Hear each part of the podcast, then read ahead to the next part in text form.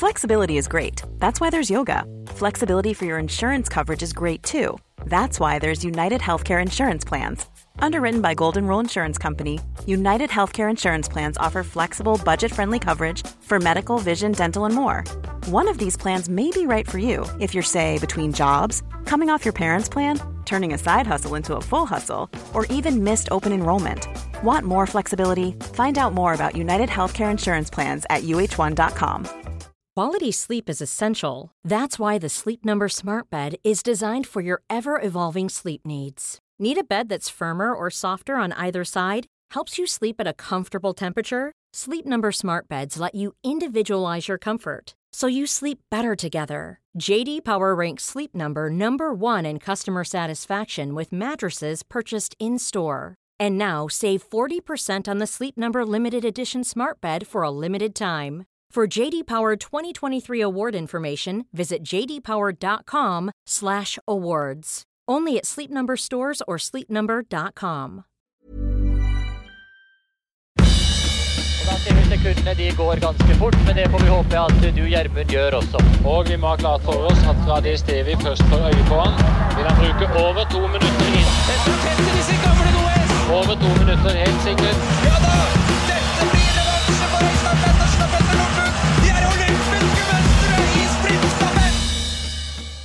Hallo, hjertelig velkommen skal dere være alle sammen til eh, Skipodden, episode nummer tre. Og Øystein, du ser, du ser smashing ut. Du, si. Takk eh, i like måte. Eh, Jeg antar at jeg ser smashing ut for at jeg har vært og trent to timer. Og jeg vet ikke, du er, det bare, du er bare født sånn, eller har du også trent? Jeg, og jeg, tusen takk for at du sier det. Jeg merker at Du er jo glattbarbert eh, for anledningen. Jeg kjører en annen stil. Jeg, og jeg, det gjør jeg stort sett hver sånn høst-vintersesong. Da gror jeg skjegg. Gjør det. Ah, er, det, er, det, er det sant, eller?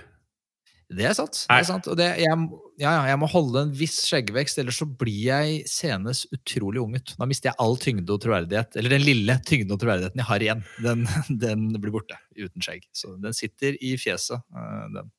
Alt, Ja, alt men- kler den smukke. Ikke tenk et sekund på det. Men uh, det er jo greit med skjegg innendørs, liggende på sofaen, i horisontalen, se på vintersport. Hæ? Om det er Og helgen uh, har levert. Abstinensene begynner å avta. Vi må bare håpe nå at korona stays the F away. I hvert fall nok til at sesongen kan gå sin gang. Fordi det var jævlig moro å være i gang. Eh, det leverte. Ja, og det er liksom Det er noe, det er noe deilig over det. Knekke den første kaffekoppen sant, på morgenen, liggende på sofaen. Stenberg er på jobb, står og småplager spente utøvere med dumme spørsmål rett før de skal ut og jage, og han vet at de ikke har svar på spørsmålene, men han stiller de likevel. Og det er, det er sånn det skal være! Jeg synes det er sånn det skal være. Vi, apropos kaffe, vi hygger oss som alltid vi med, med det brune gullet fra Bård Co. i Kaffebryggeriet. Yes. Eh, er, de leverer. Vår hoffleverandør. Jeg har jo Også- da, kan jeg få lov til å si, jeg drikker jo da gourmetkaffe. Gour ja, ja. Gourmet espresso.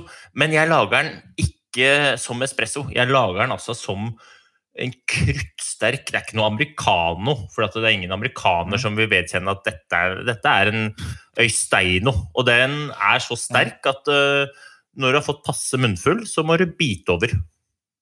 Ja, ja du må det. Altså, jeg, jeg merker at de, det blir, kan bli for mørk, mørkbrent òg, med de, de espresso-bønnene. De ja, hissigste. Men jeg er åpen. Jeg er åpen. Ja. Eh, og så eh, må vi jo eh, som alltid gi en liten shout-out til, eh, til Coop-dugnaden, som, som vi, vi støtter av uh, våre hjerter, Øystein. Det er, uh, det er viktig ass, å sørge for at uh, alle barn kan få, få være med og delta og oppleve idrettsglede. Når var det du begynte med idrett, du, Øystein? Gammel var du? Nei, altså det, Jeg drev mye med kriminalitet i min ungdom. Ringe på stikka, av, stjeling. Så jeg har jo alltid vært aktiv, men organisert idrett øh, når jeg var ti år. Ja, organisert kriminalitet da du var fem. Men, ja, ja, men sånn er det å vokse opp eh, på Grorud. Det, er, eh, det, det betinger. Så, Men, men det som er fint med, med Coop-dugnaden, er at du trenger ikke å gjøre noe annet enn å handle Englamark-produkter. Så det er på en måte ikke noe Det er, det er ikke verdens tøffeste dugnad. Nei, det, det, er det ikke. Men det er viktig. Det er like fullt viktig. Eh, og så må vi jo igjen bare få si da, til alle dere som hører på, at vi, vi syns Vi er, vi er slett uh, utrolig takknemlige for at dere gidder å høre på. At dere tilsynelatende i syns at det vi er i gang med, er et kult prosjekt. Og vi håper dere bare fortsetter å følge med på at skipodden på Instagram. Eh, og til alle dere som eh, rater oss og gir oss vurderinger, det er, eh, hjelper oss veldig med å få ordet om podden ut der til flere som kan synes dette kan være gøy. Eh, og så har vi da våre venner i Skydda, eh, eh som er med å, å ha en premie for Vi trekker da to heldige vinnere som har ratet og vurdert. Så vinner Førstepremien er jo da en sånn maskesystem til en verdi av 15 000 kroner. Altså det er, det er Du som har, har ikke du liksom astma, du sliter jo litt med pusten, som alle skiløpere gjør for øvrig. Øystein? Jo, jeg sliter med det også. Altså jeg er jo allergigutten nummer én. Men, men, sånne mm. masker er jo uavhengig av om du har astma eller ikke. Så er det meget fornuftig. Og jeg tenker jo, eh, når man ser Heidi Weng sitter på pressekonferanse med briller mm, Jeg tenker at eh, kanskje, kanskje, hun skal gå inn og rate fem stjerner, Heidi. Så er hun oppe og nikker. Ja, men uansett, da, uansett om man rater lei, så er det jo viktig å ta vare på helsa si og passe på om man skal hugge ved eller om man skal hva enn man skal. Eh, gå og sjekk ut Skydda. De har, eh, de har gode produkter eh, uansett hva. Um, og i dag, Øystein, i dag så har vi en eh, lang og bred uh, agenda. Vi skal uh, Vi har faktisk ikke bare én gjest i dag. Vi skal ha besøk av to uh, folk. og det er Vi skal jo da snakke mer om Beito etter hvert. Og vi skal snakke med, da med først Mikael Gunnulfsen, som kom på besøk. Han vært liksom, han var jo store, det store navnet, var han ikke det, Øystein, i helgen? Jo, altså, det er jo det er ikke feil å si at uh, han imponerte. Det, altså, ikke i det hele tatt. Det, altså, det, var jo helt fantastisk. Så han kommer, det gleder vi oss til. Og så kommer jo kongen uh, av Beitestølen uh, i kraft av at han er bare kongen. Emil Iversen. Ja. Det, han hadde jo litt stang ut. Uh, ble diska der, uh, fikk snøvær, uh, holdt på å få Torg han Brox, Torbjørn Brox Pettersen, meget myndig jurymann, eller TD, uh, veldig tett nært innpå seg. Det, jo, det, er, det, er, mange ting vi må ta opp i dag. Men, men, men utover det, så altså Beitostølen, ass. Det er deilig å se. Jeg må være ærlig. Jeg, synes, ja, jeg, synes, jeg må innrømme at jeg syns Beitostølen alltid er noe av det gøyeste i sesongene. Og ikke bare fordi det er starten, men også fordi du får sett den bredden som er i Norge. Altså, jeg, jeg, jeg, merker at hver, hvert, Jeg føler ikke dette Mikael Gunnulfsen er jo bare eh, nok en mann som slår gjennom på Beitostølen. Jeg føler at hvert eneste år så kommer det ett, to eller tre nye navn som vi, i hvert fall sånne som meg, da, som er, ikke er så på innsiden av miljøet som du er, ikke har hørt så mye om før. Som plutselig bare Jøss, hvor kom, hvor kom Gunnulfsen fra? Han, bare, han, han, bare, han smadrer jo landslaget, som har de beste skiene, eh, de beste trenerne, den beste oppfølgingen, eh, de beste, beste lønna. alt som er. Og så kommer det en fyr ut fra intet som ikke har de samme ressursene, som bare slår de, da. Og, det, og så blir det hvert eneste år eh, så er det den samme diskusjonen. Det er eh, uttaket. Hvem skal få gå? ikke sant? Og det er prinsipper, og vi har et prinsipp om at det er landslagsutøverne som skal få sjansen, for de skal ikke måtte toppe form til Beitostølen. Noe jeg skjønner. altså Misforstå meg rett. Jeg skjønner at det er viktig at man, at, Eller jeg skjønner eh, logikken bak det. Eh, men så blir det også feil å ikke la de som er best nå, gå på landslaget. Hva, hva, hva, er, hva er, poenget med å altså, skal ikke det være Alle andre idretter så er det sånn at de som er best i nuet, de spiller på landslaget, og de går for landslaget. Eh, og, og, så skjønner vi også, vi, vi har jo snakka mye om dette Øystein, på, over telefon, men eh, det er jo ikke lett å være Nossum. Nei, altså, jeg tror alle sammen skal være glad for at Nossum er Nossum, for Nossum er jo altså, Nossum blir jo stilt her nå, han kommer på Beitostølen. Og Nossum vet like godt som oss at det kommer noen nye. Det kommer en Gunnulfsen eller en Østberg Amundsen eller en Jon Rolf eller en et eller annet. ikke sant? Og de går altså så fort. Men de, alle de kjemper om to plasser som i utgangspunktet er allerede eh, reservert til landslagsløpere. Og så har jo Emil Iversen sagt at ja, men landslagsløperne de, de, er jo ikke på landslaget fordi de vant en loddtrekning, og det er helt riktig. Så Nossum han står jo der oppe, og har elendige kort, og alle håper at han skal spille de kortene uh, godt. Og Nossum spiller de kortene godt, men problemet er jo ikke Nossum eller, eller noe annet. Altså, problemet er jo de kortene han har. Altså, det er det som er helt feil, for han kan ikke velge rett. uansett. Nå så valgte han jo eh, Gunnulfsen og så Sindre Bjørnstad. Og det var jo veldig hyggelig for Gunnulfsen. Men det blir jo litt feil for Didrik Tønseth, som da på forhånd har fått høre at ja, men det er egentlig forbeholdt landslagsløpere. Så det er jo Uansett hva Nossum gjør, så er det feil. Og, og, og dette her, her, Dette må vi prate mye eh, mer om. Jeg, fordi problemet her, slik jeg ser det, er jo måten eh, langrennssporten per i dag er organisert. Altså Problemet er jo måten FIS har lagt opp dette på. Og jeg, jeg er jo utdannet økonom, eh, så, så jeg, det kommer kanskje ikke som en overraskelse at jeg har sånn, en sånn grunnleggende tro på at markedskreftene kan ordne opp i en del. Ikke alt, de kan ordne opp i en del. Og jeg tror det altså, Langrennssporten er jo i ferd med å dø. Vi må jo ikke lure oss selv. Altså, ja, i Norge er jo interessen skyhøy. Og det er jo fordi at uh, Norge vinner alt, og har, det, det, ligger så sterkt i vår kultur. da. Eh, men selv bør ikke dra lenger enn til Sverige, så jo, ser man jo at interessen avtar. Og hvis du drar nedover i Europa Jeg husker når jeg vokste opp, da, jeg var jo en liten pjokk da Bjørn Dæhlie og Alsgaard og co. herja. Og de, hvem var det de konkurrerte mot da? Det var jo ikke andre nordmenn, stort sett. Ja, det òg. Men de konkurrerte jo mot absolutt alle. Det var russere, det var italienere, det var tyskere. Du hadde en kasakhstaner som hevda seg ganske friskt. Du hadde folk fra alle nasjoner som, som gjorde det bra.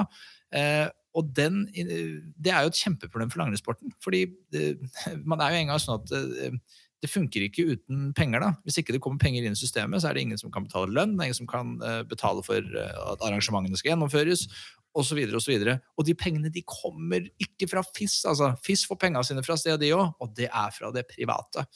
Ja, og så er det jo òg sånn at øh, konseptet verdenscup, hvor nasjoner konkurrerer mot nasjoner, det fungerer jo uten tvil best når nasjoner har løpere å sende.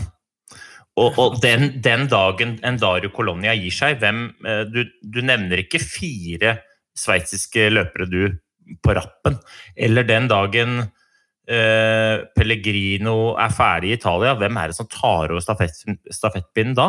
Altså, det her er jo, og Dette her mener jeg jo, jeg er helt enig med deg i at hvis ikke vi omorganiserer, i hvert fall hvis ikke vi tør å utfordre dagens modell, så tror jeg vi er i ferd med å skape en idrett hvor interessen er dalende, fordi at de ulike nasjonene ser at det er bare Norge som går. Det er bare Norge som har muligheten til å hevde seg. og Eh, ja, det er, det er, mer sexy å drive med noe annet. Og FIS er jo interessert i at deres eget produkt skal være mest mulig verdt. Og da tenker jeg at den tiden kan være moden nå for å se på en helt strukturell eh, endring av hele greia. For jeg, og dette er ikke noe angrep på Skiforbundet eller FIS, sånn som jeg tenker det, men dette her mener jeg med hjertet godt planta i at jeg har så lyst til å ligge på sofaen og se på langrenn og se de beste gå mot de beste flest mulig ganger. Mm. Altså, jeg er helt enig med deg at det ikke er et angrep på Skiforbundet. Altså, de, det de gjør jo åpenbart Jeg er helt enig med deg. Det er noe som er får helt umulige kort og gjør det beste han kan. Og Skiforbundet er jo beviselig dritgode på å, å avle opp eh, talenter. og har, de har, Noe der funker. Det er derfor Norge er best. Eh, men jeg mener jo at noen må jo angripe altså, noen må jo angripes her, eh, er, og, og, da må det være FIS. Eh, fordi ja, FIS har gjort noen grep i langrennssporten fra Bjørn Dæhlies storhetstid. De har innovert, det, det, skal de jo ha. De har dratt på fylla i en sauna og kommet opp med Tour de Ski. Råbra konsept. Sprint har fått liksom et fotfeste og blitt en gren som vi følger med på, som er action-packed. Jeg liker det. Men, men det problemet her er jo at eh, som du er inne på, da, at når nasjoner skal konkurrere mot andre nasjoner, så får du en verdenscup hvor det er ikke de beste som går. Eh, for det er det beviselig ikke. Vi ser jo at det hvert, hvert fall eh, dette vil jeg tro da, at de 30 beste på Beitostølen, alle, samtlige av de, burde ha gått verdenscup. Ikke alle for eh, Norge, alle, men de, alle burde ha gått verdenscup, fordi de er, de er, blant de 50 beste i verden. da et eller annet sånt. Eh, og hvordan, hvordan kan man få de 30 beste i Norge ut i, i verdenscup? Ja, det er med at man eh, må åpne for at det ikke er nasjoner som deltar mot hverandre, men at det er lag som deltar mot hverandre. Og da tror jeg de lagene må ha, uh, ha noe finansier, nei, finansiering fra det private. Og dette vil jo ha mye altså andre positive ringvirkninger. Vi, vi ser jo nå i dag at eh, som, som vi ser på, på Beitostølen, da, at du har, eh, har sånn, som, sånn som Gunnulfsen, eksempel. Jeg nekter å tro at Gunnulfsen har en kontrakt med noen på 5,5 millioner i året, som, eller hva pokker Klæbo har. Eh, han, han, dette vet jo du bedre enn noen, Øystein. Jeg gjetter på at han slåss for hvert eneste gram havregryn han kan putte i den skrotten. Han. Ja, det stemmer nok. Eh, det stemmer nok. Altså, hvis, vi kan jo ta én ting av gangen. her da. Eh, jeg tenker jo at det desidert beste er fordi at FIS har et så bredt nettverk og så, gjør så mye bra for skisporten at jeg tror det er dumt å på en måte gå utenom FIS. Jeg tror FIS skal eie dette, men så tror jeg at man skal eh, se vekk fra land mot land og gjøre som du sier, lage eh, privatlag som gjør at flere eh, løpere, flere av de beste løperne kommer på start, uavhengig av nasjon men òg at flere kommersielle aktører ser verdien av å putte pengene inn i en skisport som uh, de kan få noe igjen for. Altså, jeg vil jo ha et tysk lag, et tysk storlag, gjerne med noen norske løpere, ja. men tyske interesser. Jeg vil ha et slovensk lag, jeg vil ha et italiensk lag, jeg vil ha liksom et storrussisk lag, jeg vil ha et canadisk uh, lag som, altså, hva er Canada nå som Alex Harvey har lagt opp? Altså, nå sitter Len Valias borte i Canada sammen med en gjeng som er koronafast. Altså, det er ikke noe penger, det er ikke noe interesse, og det vil ikke Jeg tror ikke at den, den trenden vil snu med det første. Så jeg er helt enig med deg. Og så, eh, når man da eh, klarer å lage disse lagene, så kommer du inn på økonomi. Jeg tror det vil gjøre at økonomien for de beste løperne og de nest beste løperne vil bli bedre. Det igjen vil òg føre til at de som er på steget under ser at dette er mulig, og det er lettere å få matching. Ta f.eks. Gunnulfsen. Han gikk et fantastisk renn og viser hvor god han er på lørdag. Men det er ikke sikkert at han klarer å levere akkurat det samme i Ruka. Og da er han liksom plutselig ute av laget igjen, fordi det er så hard konkurranse at du må levere når du får sjansen. Jeg vil at Gunnulfsen skal gå hver eneste helg. Det samme er det jo med altså det, Vi har Jan Thomas Jensen, vi har Jon Rolf Skappe Hope, vi har eh, Amundsen, vi har Niklas Dyrhaug, vår venn Niklas Dyrhaug. Han har mål om, og vi tror òg, og vi vet òg, at han er kapabel på sine beste dager til å gå VM femmila for Norge. Men per dags dato så er han jo milevis unna å få lov til å gå et kvalifiseringsrenn. For, altså, hvordan skal han komme seg dit, liksom? Det er jo veldig kjedelig at løpere trener 1000 timer i året, og så er ferdig, sesongen ferdig i løpet av 30 minutter på, på Beitostølen pga. en dårlig dag. Um, så dette her tror jeg kan både øke interessen for langrenn, men òg øke interessen for å tørre å satse blant de rekruttene. For hvor lenge orker de som er nummer tolv på Beitostølen, som er fantastiske skiløpere, å stå på for å få havregryn til frokost? da? Mm. Og, og, vi snakker jo stort sett om veldig, Man bruker alltid eksempler fra herresiden, fordi der er det kanskje enda tettere, og problemet er enda større. Men det er jo unektelig et problem på kvinnesiden. og Jeg leste jo senest for noen uker siden en sak om at uh, Jessica Diggins, kanskje verdens tredje-fjerde beste langrennsutøver på kvinnesiden, ikke har muligheten til å få delta i verdenscup fordi at det amerikanske laget ikke har råd til å ta, betale for de der dumme koronatestene som FIS uh, sier at alle må ta.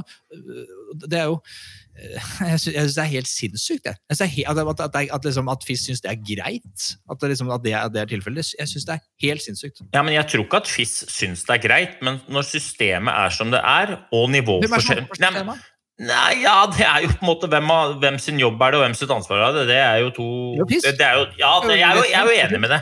Jeg er enig med deg, men jeg tenker én ting er jo liksom eh, disse enkeltutøverne, men jeg tenker jo Eh, på, på damesiden f.eks. store problemet der er jo bredden. Vi, nå er vi i ferd med å skape en idrett hvor damelangrenn hvor flere nasjoner ikke klarer å stille lag på stafetten. Mm. Vi skulle jo hatt 20 private lag hvor, mm. eh, hvor, tyskerne har kanskje to lag på start, og de heier på de tyske. Og det er klart, eh, Bakdelen med et sånt system er jo at de første årene, og det vil jo selvfølgelig kritikerne hevde her nå, da vil de si ja, men kjære Hanso og kjære pølsa. Da blir det jo bare nordmenn. Og jeg tror jo at de første årene så vil det bli mye nordmenn, men de vil jo representere uh, utenlandske lag. De vil representere utenlandske kommersielle aktører, som gjør at uh, tyskerne kan fint heie på Klæbo, de. Hvis Klæbo går for et tysk storlag, eller nå har jo han for så vidt gifta seg med Uno X, da, men uh, ta en, en en Sindre Bjørnstad Skar, da, eller en Taugbøl, eller en Hans Christer Holund. Og så er jo da min mitt måte, hovedargument er at gjennom å fordele norske løpere på ulike lag med ulike interessenasjoner og, og ulike private aktører, så vil vi kunne spre kunnskap, spre kompetanse, øke, øke trøkket på rekrutteringa, øke kanskje lysten for å bli god. Også på, om fem år så kan vi ha et mye bredere eh, med en mye bredere sport, med gode tyskere, med gode italienere, med gode slovenere, med gode tsjekkere. Altså, vi må få tilbake det internasjonale trøkket gjennom å dele litt på godene, sånn som jeg tenker. Jeg er helt enig. Og så vil jo dette være det jeg begynte på i stad med økonomi. da, så vil jo dette også gjøre at eh, nummer 35 på Beitostølen sannsynligvis, og rekruttene i Norge de kan sannsynligvis da gå, de kan flytte til Italia, være rekrutter på et italiensk lag, fordi de blir med i dragsuget fordi Emil Iversen begynner på et italiensk lag, og han har lyst til å ha med seg trøndergjengen sin.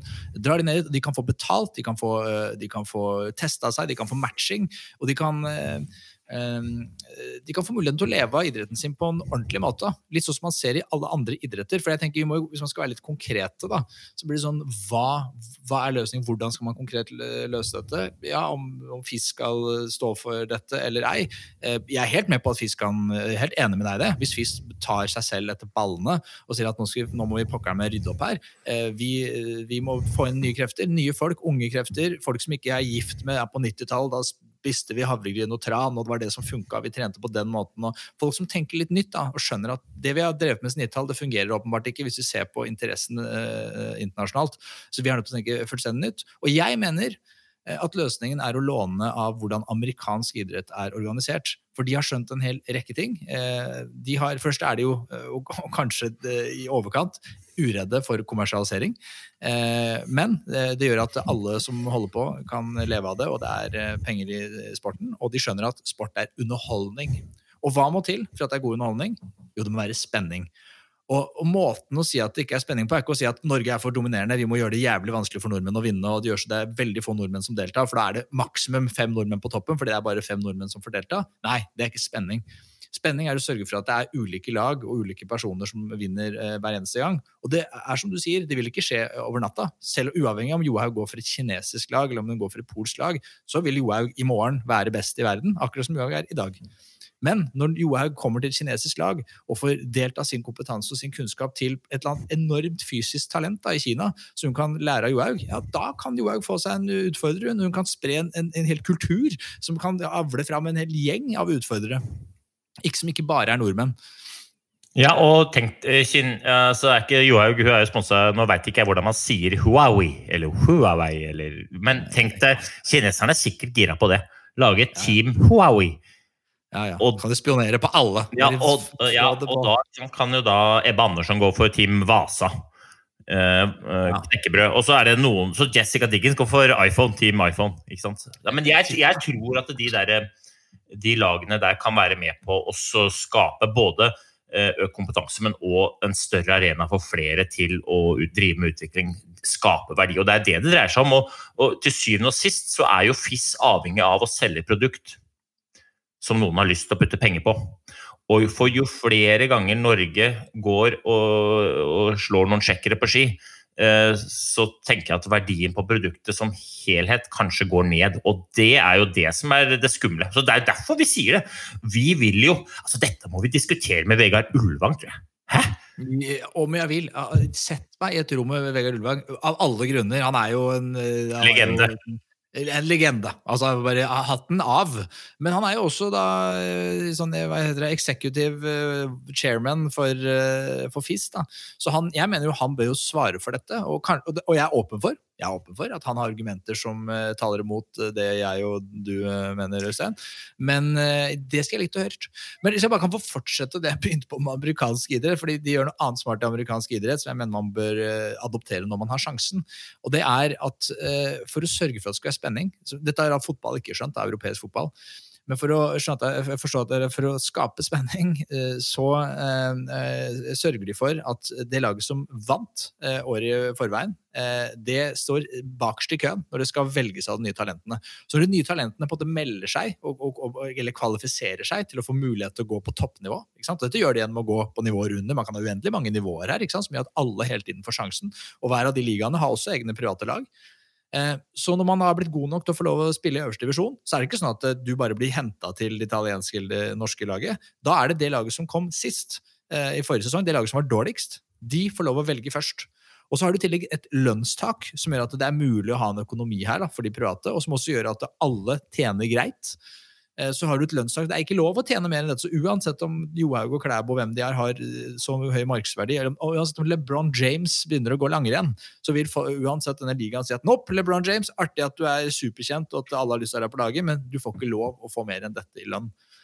På den måten så blir det, kan det laget som vant i fjor, de har, de har da Klæbo på laget en tid, så blir Klæbo borte, og så vil det laget bli dårligere, da, så er det et annet lag som gjør det bra, og da er det balanse, og det alltid spenning. Og når det alltid er spenning, da er det god underholdning, og da blir vi enda lykkeligere, vi, når det er helg, og det er ski på TV.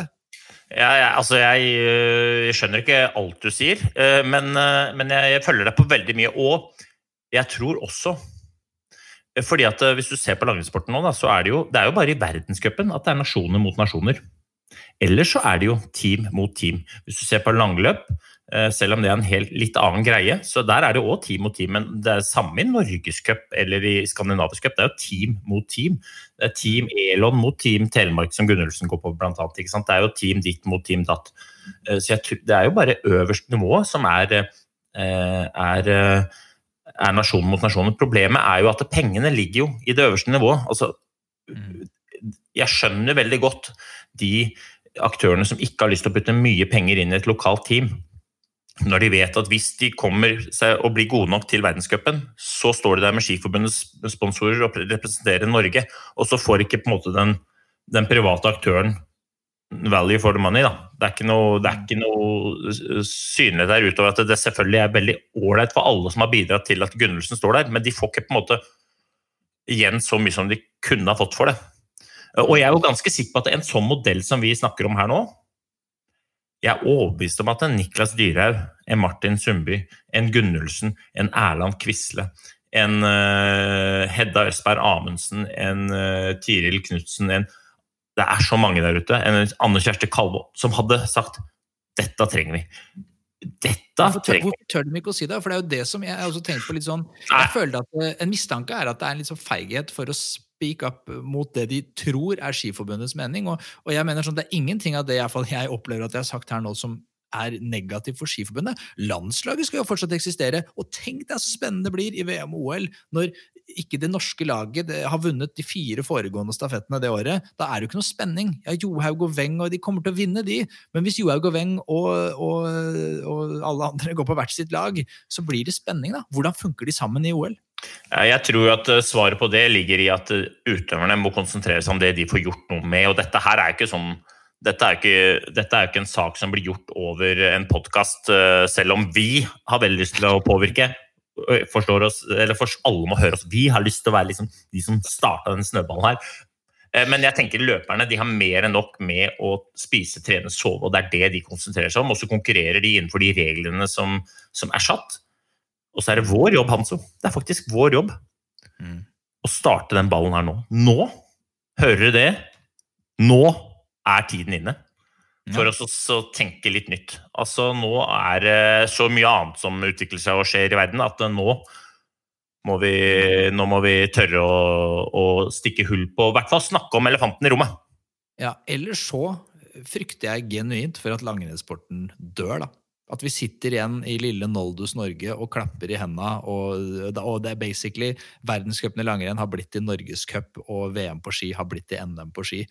Og da da merker jeg da Jeg kommer fortsatt kommer fortsatt og sa første kaffekoppen og sitte, klar, jeg, inntil jeg stuper for å følge med, fordi jeg syns det er så gøy. Men jeg er redd at jeg blir eh, i mindretall. Jeg, jeg deler din eh, bekymring. Jeg deler din bekymring. Og så deler jeg din, ditt engasjement, og det er det jeg syns er fint med dette. For dette her er jo um, Dette er to unge, kjekke menn. Smører litt på nå, smører litt på nå. Men gjør det, det. dette her er jo med, med hjerte for sporten. Og dette her eh, kommer fra et brennende ønske om at vi må få dette her til å funke enda bedre. Og jeg, jeg tror at det er folk der ute som er enig. Jeg håper det. jeg håper det. Skriv gjerne til oss hvis dere har noen innspill til dette. For dette er en, en diskusjon som jeg mener vi bør, vi bør ta. Og hvis dere har noen ideer om hvem det er vi kan invitere på podkasten, som kanskje har noen meninger, så eh, eh, kom skriv det til oss. Eh, Vi er på atskipodden, vi. På både Instagram og, og Facebook. Og jeg merker jeg ble ordentlig engasjert av dette. Ja, ja, deilig. Og, eh, en siste ting. Ja. Hvis Vegard eh, bruker sin dyrebare tid på å høre på rallinga vår Vi vet jo ikke det, men hvis Ulvang hører på Mm. og har lyst til å enten sette oss på plass, eller diskutere, eller utvikle konseptet Så ta opp telefonen og slå Vi på tråden. Frivillig til å sitte i en slags innovativ task force. Og misforstå meg rett, jeg, jeg skjønner jo at det ikke er enkelt. Og det, er jo, det lette er å gjøre det vi gjør nå. Det er å sitte og bare og melde hardt og smelle. Det er det lette. Men jeg tror det også det starter der. da. Man må få i gang debatten. Man må, man må få, det sitter helt sikkert mange der ute med, med, med enda bedre ideer enn det jeg og du har. Eh, og vi må få de på banen. Eh, så vi, det er det vi ønsker med dette. For da, for da unngår vi jo det som Nossum blir stilt overfor nå, ikke sant? Å ta umulige valg. For det går ikke.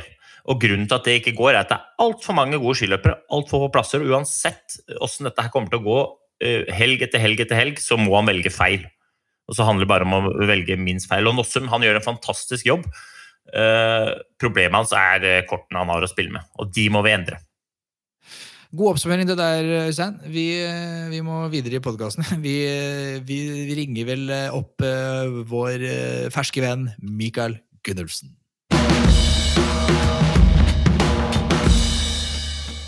Velkommen til uh, Skipodden, Mikael Gunnulfsen. Tusen takk. Yes. Altså, Vi skulle jo gjerne eh, hatt både Røa skolekorps og Kampen Janissar, men de, de er dessverre i karantene. Eller det, Ja, og da, ja, det gjør vel ingenting, tenker jeg da. Ja, er det. Hvordan, hvordan eh, er det nå? Du har liksom, det, er jo, eh, det endrer vel litt på eh, hverdagen at man går fra liksom å være en relativt anonym skiløper til å bli liksom på alles tunger bare ved at man gjør et, en enormt god helg da, på Beitostølen. Ja, det, det er jo en stor endring sånn sett, men det, det er jo den endringen vi, vi trener og, og våkner opp hver dag for å få til. Så jeg skal ikke sitte her og klage på det. Ja, det er bra.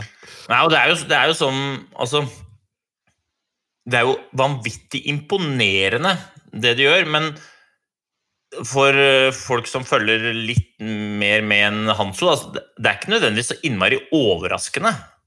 For du har jo vært, eh, du har jo vært god uh, lenge, Mikael. Ja, da, jeg føler jo sjøl at jeg ligger den, den skorpa under der Hvis jeg får dager der alt klaffer, så, så kan jeg være med å, å levere topp prestasjoner. Men eh, at jeg hadde noe sånt noe inne, det, det, det var jeg nesten ikke klar over sjøl. Men jeg har jo følt gjennom høsten, og som noen av gutta sier etter rennet, at eh, det har jo vært eh, tegn i høst da, som har pekt i retning av at jeg er bedre enn noen gang. Så ja. Vi, vi har jo snakka litt om det tidligere før, før vi hadde på deg her, om dette med at nivået i norsk herrelangrenn spesielt, men norsk langrenn generelt, er så høyt, og at det er liksom helt, ure, det er helt tullete at ikke flere får gå verdenscup. fordi det er jo ikke sånn at de beste går verdenscup. Det er sånn at de beste fra hver nasjon går verdenscup, og det bør vi endre noe på. I hvert fall vi noen sterke meninger om. Vi skal ikke ta hele diskusjonen igjen, Øystein, men, men eh, har du hatt en følelse når du har gått for skandinavisk cup, og du har hatt et sånt kanonløp, hvor du har tenkt sånn Fuck, altså. Hadde jeg vært i verdenscupen nå, så hadde jeg fader meg vært på pallen. Har du hatt den følelsen ofte? Ja, vi har jo, vi har jo det. Jeg har eh, jeg trenger ikke dra internasjonalt engang, men i Norgescupen så har jo meg og, og Martin Nyenge hatt noen uh, dueller som, uh, hvor vi har vært ganske langt foran nummer tre på lista. da. Uh, blant annet i Harstad og på Lygna. Og da har jo han fått muligheten i Cup, for han har jo tatt de i sin favør. Eh, og så dratt, eh, dratt til Østersund og få beste etappetid der på klassisken, og beste etappetid på klassisken i Toblak i Tour de Ski. Og, så så, vi, vi har jo hele tiden vært Vi er jo klar over at vi går fort. Eh, samtidig så, så drodler jo folk om at de må leite i slektstreet for å finne, eh, finne om de er litt eh, islendinger eller irer eller briter i, i, langt bak i treet der. Men eh, jeg er fortsatt der at går du fort nok over tid, så får du muligheten. da. Så Jeg er ikke interessert i å stille opp i World Cup for å bli nummer 14 hvis jeg skal gå World Cup for Norge. Så, altså, da er det jo worldcup for Norge, da skal du gå for å vinne. da. Hvis du eh, Beito, da, Mikael. Hvordan Når var det skjønt at eh, liksom Dette her dette er dagen. For det, altså, det, var jo, det, var jo, det var jo et føre, og jeg tenkte at nå er det greit at jeg ligger og ser på dette på sofaen. Det var jo i utgangspunktet slingrete og litt sånn døve spor. Og så Det ble jo ikke noe bedre når du passerte fem kilometer her.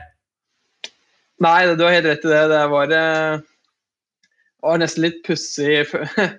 Det var en spesiell opplevelse å gå det rennet der. Samtidig så Det var først når jeg kom i mål og fikk veldig mye spørsmål om hvordan det var, at jeg begynte å tenke over at det faktisk var veldig ille. For når jeg gikk rennet, så var jeg så i bobla og så løsningsorientert at eh, ja, greit, nå måtte jeg kanskje opp og stake der jeg satt i hockey på forrige runde, men da løser du det problemet ved å gjøre noe med det der og da. og så ja, jeg hang meg ikke så veldig opp i det været som var, selv om det var ekstremt. Og så når jeg kom i mål, så tenkte jeg over det at å herregud, det var faktisk ganske så ille. Hvor- Hvordan fungerer det sånn eh, når du går? Merker man liksom Når merker, merker du det på dagen i forveien at nå, nå kjenner jeg jeg har det i meg? Eller er det sånn underveis i løpet at ting bare flyter? At du bare blir ikke sliten, du kan bare gå?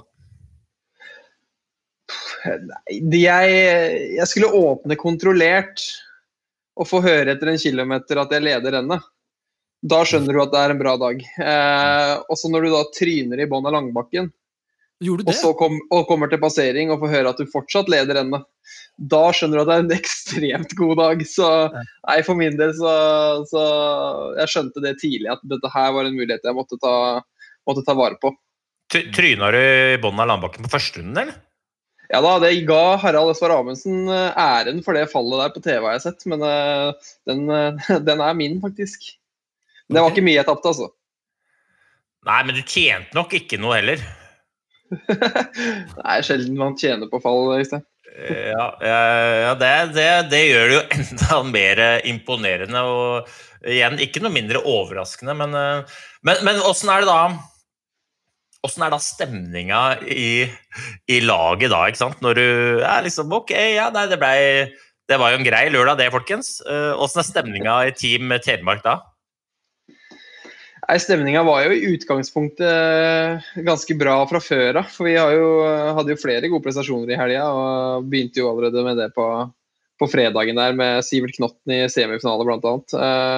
Så vi, eh, vi, eh, vi var allerede, det var allerede god S på den hytta vår. eh, Men eh, det ble ikke noe verre på lørdagen. Det, ble, det, ble, det var eh, ja, hva skal jeg si? Det var litt sånn, Alle er jo veldig overraska over at vi klarte å få det til, men samtidig så er jo det her vi har jobba for. Så nei, det var stor glede. Ja. Team Telemark for øvrig, som har uten tvil de råeste draktene. Den derre bunadsdesignet. Helt rått. Ja, det er jeg helt enig med deg. Så takk skal du ha. Ja, for du mener det, Hanso? At det er Ja. hva, øh, øh, Vi er jo kongen av digresjoner, øh, dessverre, Gunnulf. Men da må jeg spille ballen tilbake til deg, Hanso. Eh, Hva er den styggeste? Det er den derre stygge tigerdrakta nei, nei, nei, nei, trekk meg. Den tigerdrakta er ikke så stygg. Den derre lange Kote, Team Koteng. Den gule blø! Team Koteng, altså. Chris Jespersen, som altså er en så kjekk fyr, han ser jo altså ikke ut når han går i den der Koteng-drakta. De må skjerpe seg. Skjerpe seg noe innmari. Ja, Det er null, null innsats på det designet her. Er. Eh, Ja Nei, det er vel øh, øh, Jeg kan jo være enig med deg. Jeg, altså, alt kler den smukke, men jeg er jo enig. Men jeg syns jo òg NTNUI har jo en, en grønnfarge der. Jeg, vet, jeg er litt usikker på om, om dem er høyt oppe på listen. Dropp det. Altså, de, Heming òg. De Bytt farge. Altså, Heming de er så rike. Altså, er ikke, de er ikke det sånn oppe i Holmenkollen her. De må kunne skaffe seg noe designere som kan bare En ny farge. Please. Ja, jeg, jeg, jeg Det var en digresjon, men, men det er noe Ja, som må men skjerpe seg. tenk, tenk hvor kjekk Jespersen hadde vært i bunadsdrakta. da. Herregud. Oh. Ja, ja, ja, det, det hadde ikke gått på TV, vet du, så jeg skjønner at det må Ja, og da, men da må den vel eh, Da må han jo gå diagonalgang, eh, sikkert, for å komme inn. Altså, Steinar slipper ikke inn noen folk i treningsgruppa si som eh, bare går skiskyting og staker. Nei, det kan vi ikke ha nå. Det er bra! Det er bra jobba! Ja, ja. ja det er fint. Men, Men du ja. sorry. Kjør på, Hanso. Ja, ok. Fordi det, jeg synes jo det som er, er gøy med deg, er at du, du er jo ikke en one trick pony. Eh, Du er jo god på det meste. Du hevda deg jo du, Vi så jo konturene at du var i slag allerede fredagen. Hvilken, hvilken plass var det du fikk hjem? eh, Tiendeplass på sprinten? Det er riktig. Tiende. Da er det jo, det er jo, Og det bringer oss jo litt over på Rukka, da. Det er Mulig jeg foregriper deg, Øystein, men altså, når du er såpass god i både sprint og, og kanskje, kanskje verdens beste eh, på 15 klassisk, da hva, hva, hva, Har du onde hensikter, eller, i Rukka? Hva er målet? Jeg, eh, jeg Alle sier jo det som sliter med å gå videre i prolog, men eh, jeg er en heatløper i sprint. Så jeg må, jeg må først eh, jeg må først levere en vanvittig god prolog jeg på fredag. Det er, det er førstepri. For det, jeg har prøvd å gå videre i World Cup før i, i Drammen, og da klarte jeg det ikke. Så jeg må, jeg må opp i ringa for den, den prologen. Og så, hvem vet hva som kan skje. Men, men det er jo selvfølgelig lørdagen som er min, min, store, min store sjanse. Det er der jeg er eh, sterkest, helt klart. Og så sier du at jeg er one trick pony, men det ikke er det. Men når jeg, når jeg smekker på meg skøyteski, så går det jo ikke like fort. Det gjør jo ikke det. Nei, men du har jo et helt annet utgangspunkt i, i Ruka, da, for der, der, er en, eh, der er det jo en jaktstart. Eh, Jeg tenker jo at eh, løypene passer deg veldig godt, da, fordi at eh, det er litt som, eh, det er litt som den jaktstarten vi har oppe i Trondheim. Eh, Mm. Det er eh, rett opp, og så er det ned, og så er det staking, og så er det rett opp og ned staking. Så jeg tror løypene kommer til å passe deg veldig godt. Og du er jo eh, kvikk til å løpe, da. Du er jo, hvis jeg skal si at noe av det svakeste du er på klassisk, i den grad man er svak på noe når man vinner med et halvminutt på 50-meteren, men du er, jo, du er jo innmari god i bratte moter. Så det Ja jo da. Det har du, du har jo mye i Kusamo. Eh, bratte moter, vind, tåke, fargen grå. Det er mange ting, men du får i hvert fall bratte moter. Ja, altså Så lenge jeg ikke er stiv, så, så skal jeg klare brakke, nei, bratte moter. Men eh, det er, sånn, det, det er noe sånn en gang at man går som regel fort mens man har eh, gode bein. og Det er førstepri. Men jeg må jo si det, den podden deres burde jo bytte navn til Hjulbeintpodden. For dere inviterer jo Niklas Dyrhaug i første episode. og Kom med lang avstand mellom knærne. og Nå kommer jeg her med det samme. Er det sånn klassisk pod dere skal lage? eller Hva er målet her? Ja, Det vet jeg ikke, men vi har faktisk vært innom tanken på å invitere Elda Rønning òg. Men når du sier det sånn, så tror jeg faktisk at vi må ta Petter Skinstad er jo kalvbeint herfra til evigheten, så kanskje du skal ta han, så folk liksom tenker Hvis du ikke tar inn eh, ja, hvis du tar inn Petter Skinstad, så har du gått i null med en gang. Det kan jeg love deg. Men eh, Ja. jeg har jo ja, Jens det Svartedal og Oddbjørn Hjelmeset de også er jo klare for å komme hit og prate til Hjulbeinpodden. Det er det helt overbevist om. ja, ja. Jeg har faktisk ikke sett nøye på beinstillinga til Hanso, men jeg vet selv at jeg er litt hjulbeint. Ja, ikke sant? Det kan du se. Så jeg, jeg, jeg, jeg, jeg, ser det. tenker jeg. Tar det til etterretning. Ja. Hvilke, hvilke forhåpninger har du? Hva tenker du når du reiser bort? Står du med lua i hånda og tenker at du skal lære, eller tenker du at eh, nå må jeg bare gripe muligheten? Jeg tenker at uh, på Beitostølen så starta vi med en sprint klassisk, en 15 klassisk og så en 15 skate. Ehm, og så skal jeg reise til Ruka, og så skal jeg gjøre akkurat det samme en gang til. Uh, og hvis jeg klarer å levere på like bra nivå som jeg gjorde på Beitostølen, så kan det godt hende det er god grunn til å smile på søndag. Og hvis jeg ikke får det til, så får vi ta det når den tid kommer. Men eh, jeg, jeg kan ikke gå rundt og tenke resultater, for det, jeg, har, jeg har aldri gått World Cup internasjonalt før, så det eneste jeg skal gjøre, er å gjøre det jeg har trent på siden 1. mai. Ja, det, Ja, det er, det er ikke så korrekt og, og, og litt offensivt. Jeg liker det. Ja, og det har jo Ja. ikke Det har jo ikke det er ingenting som tyder på at du har gjort noe innmari mye gærent. Eh, Og sist du gikk eh, mot disse folka, så ble det jo åtte i Kollen, ble det ikke? Stemmer det. Nei, Vi har i hvert fall eh, trua, da. Vi, vi heier jo på, på, på deg, Mikael. Vi heier, vi heier på alle de norske, så vi, vi gjør jo det. Men jeg syns, det er ekstra gøy da, når det kommer eh, noen som burde ha fått sjansen for lenge siden, burde ha gått verdenscup for lenge siden, eh, som omsider får sjansen. Da håper jeg liksom at, de bare, at vedkommende, i det tilfellet deg, pisser på verdenseliten. da, Bare viser det. Så, så vær så snill for min del, piss på verdenseliten.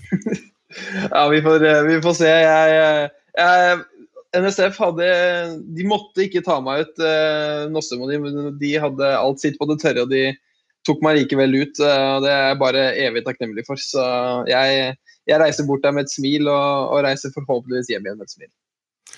Et siste spørsmål, Gunnulf, før du skal eh, legge deg ned og sørge for at beina er gode. Det du sier der, er jo helt riktig. Og både du og jeg vet jo at eh, Nossum blir jo stilt overfor en håpløs oppgave. Tror du at det på sikt kan være et problem for langrennssporten at det er sånn som det er, når det er så mange gode skiløpere i Norge og, så få gode skiløpere der ute?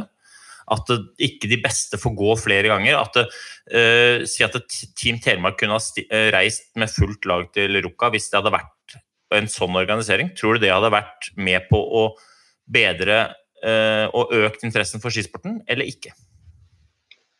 Det er et stort og bra spørsmål. Ehm, selvfølgelig er det vi som står utenfor, vi ser jo bare at, eh, at kvotene snevres inn ytterligere og ytterligere. og Nåløyet blir trangere og trangere, og motivasjonen for å satse blir jo for enkelte kanskje mindre og mindre også, når det blir sånn. Eh, og Det er jo selvfølgelig kjipt for langrennssporten.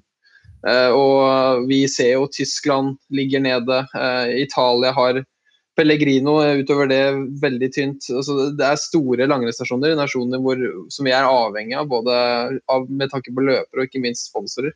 Så um, er, Nei, jeg, jeg skjønner jo hva dere mener og hvor dere vil. Og selvfølgelig hadde italienerne syntes det hadde vært kult hvis eh, norske løpere gikk for italienske lag. altså Jeg skjønner jo tank, tanken bak det. Så, men det er, min, det er ikke min jobb å kjøre de vurderingene der. Men jeg skjønner, jeg skjønner hvorfor dere rører i den gryta, og jeg, jeg forstår at det kan være en, en, en løsning på sikt. Da. Men så, sånn som det er nå, så er jo jeg i hvert fall fornøyd, for jeg får i hvert fall mulighet.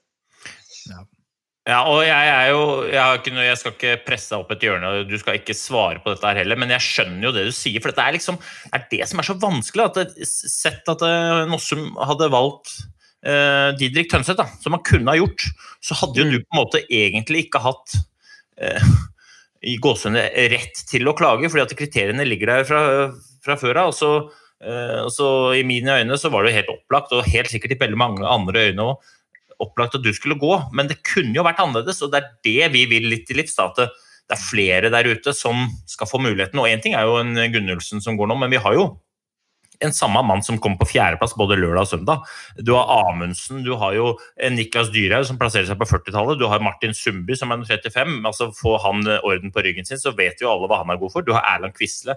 Altså, det er, det er jo så mange gode. Jan Thomas Jensen, uh, Pål Trøan Aune, Gjøran Altså, jeg kan holde på i evigheter, ikke sant? Ja, jeg, jeg er helt, eh, helt enig med deg. Og, men eh, vi vet jo alle at Ruka er spesielt. Altså, hadde det vært 15 skate i World Cup neste helg, i alle andre steder enn Ruka, så hadde Harald fått gå. Uh, så, så de, de prestasjonene de leverer nå på Beitostølen, de er gode nok til å gå World Cup ellers i året.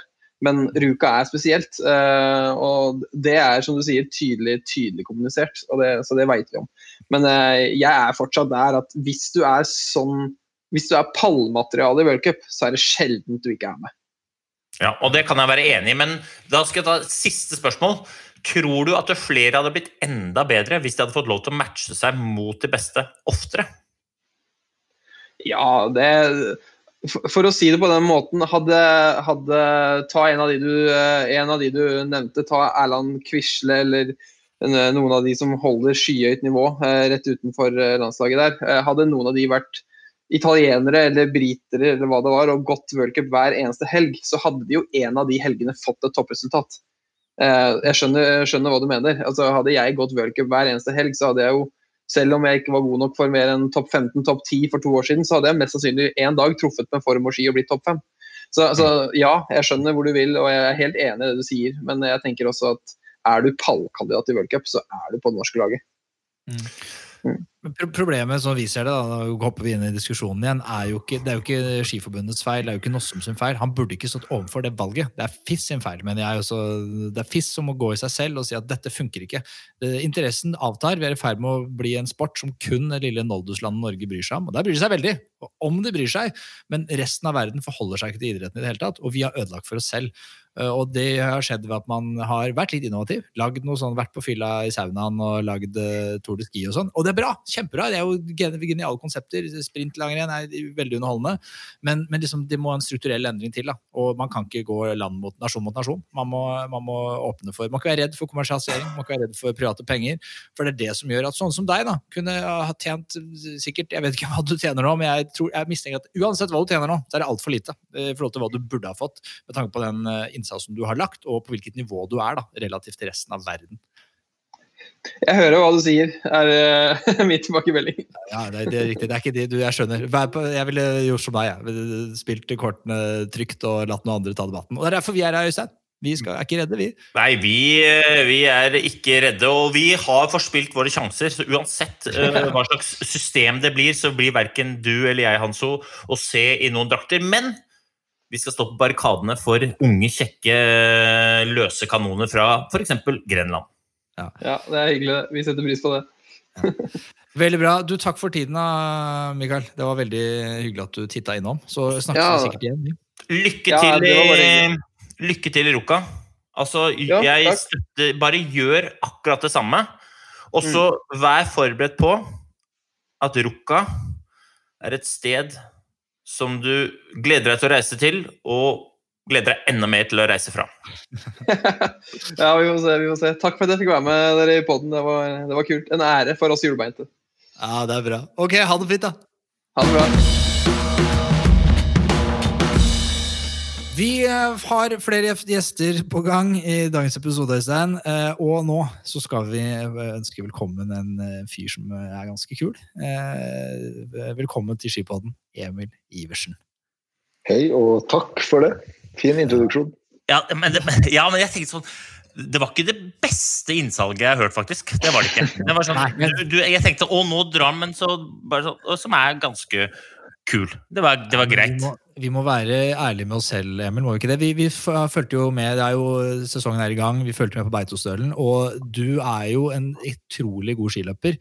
Men vi har kanskje sett deg bedre øh, og, sånn enn i helgen? Hva? Ja, jeg har jo hatt bedre Ironisk nok så tar jeg med meg en del gode svar, men jævlig det få gode resultat. Så, så, så, så. Men helga her handler mest om gode svar for min del, så jeg er ikke, jeg er ikke knekt, jeg er ikke en slagen mann, det er ikke jeg, men det var jo kjedelig helg sånn resultatmessig. Men jeg syns jeg visste tendenser. Ja, hva, hva, mener, hva mener egentlig idrettsutøvere når de sier det sånn? eh, For jeg tenker på det, er- Her sier de bare at det er politisk fjas. Når det er sånn her, jeg, jeg fikk med meg gode svar. Det er sånn, det, det, det, jeg, Det er et bra spørsmål, men jeg kan jeg, så her er jo en skipod, da, så kan jeg gå litt detaljert til verks. gjerne. Eh, som eksempel, som treneren min da kanskje ser, som jeg ser, som ikke alle, så klart ikke alle ser, men f.eks. prologen jeg gikk på sprinten. Eh, den var veldig bra. Eh, det er sånn, Jeg var vel tre sekunder bak Johannes og Valnes, da, og det er vel eh, kanskje sju sekunder mindre enn det var i fjor. Eh, Så ofte har jeg følt at jeg går gode prologer når jeg er i god form, så det var en bra start. Samtidig så syns jeg egentlig at jeg staka ganske bra når jeg prøvde å passe. Jeg, jeg, jeg tar med meg det. Jeg syns det var bra først.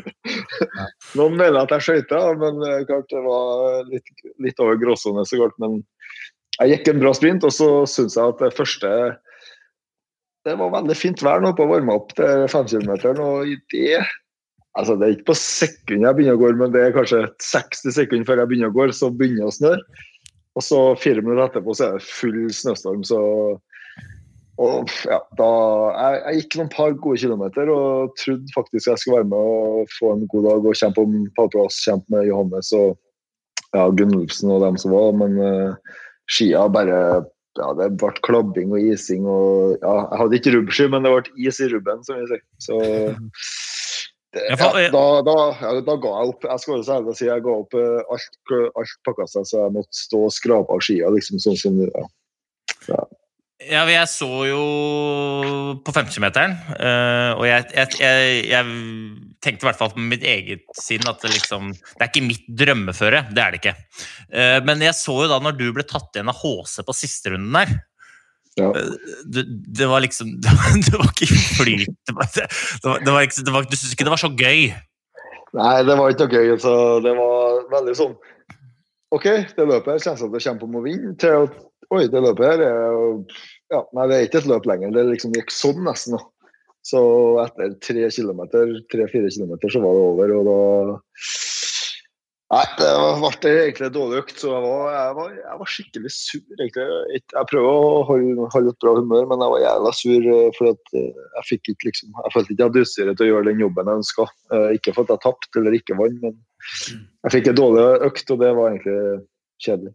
Men var det da, var det da mm, hadde du dårlig, liksom, Fikk du dårlig feste? At det isa, altså du hadde både dårlig feste og dårlig glid, eller var det, var det noe annet som var drit? liksom?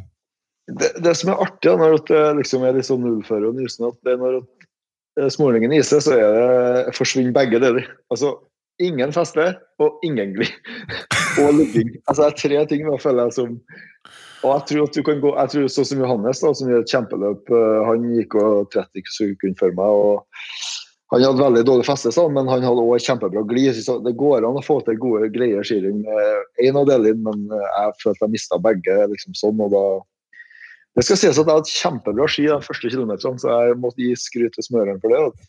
Hadde det ikke begynt å snø, så hadde jeg kanskje de beste skia, men ja, det begynte å snø, som vi la merke til. Så det, da fikk du kanskje svar på det spørsmålet. Det er de gode svarene jeg tar med meg. En god åpning, en god prolog og et greit heat, bortsett fra at det ble diska. Så det er jo positive ting òg, hvis du går litt sånn djupt, djupt nedi. Ja, og så én ting til. Du er jo blant de få da som evner faktisk å fortelle Brox. Sette han litt på plass òg. Og, og det syns jeg var litt på sin altså det er, Og han hadde på seg Jeg så han hadde munnbind, Ski Classics munnbind. Det var god stemning. altså, ja, jeg Men det teller ikke.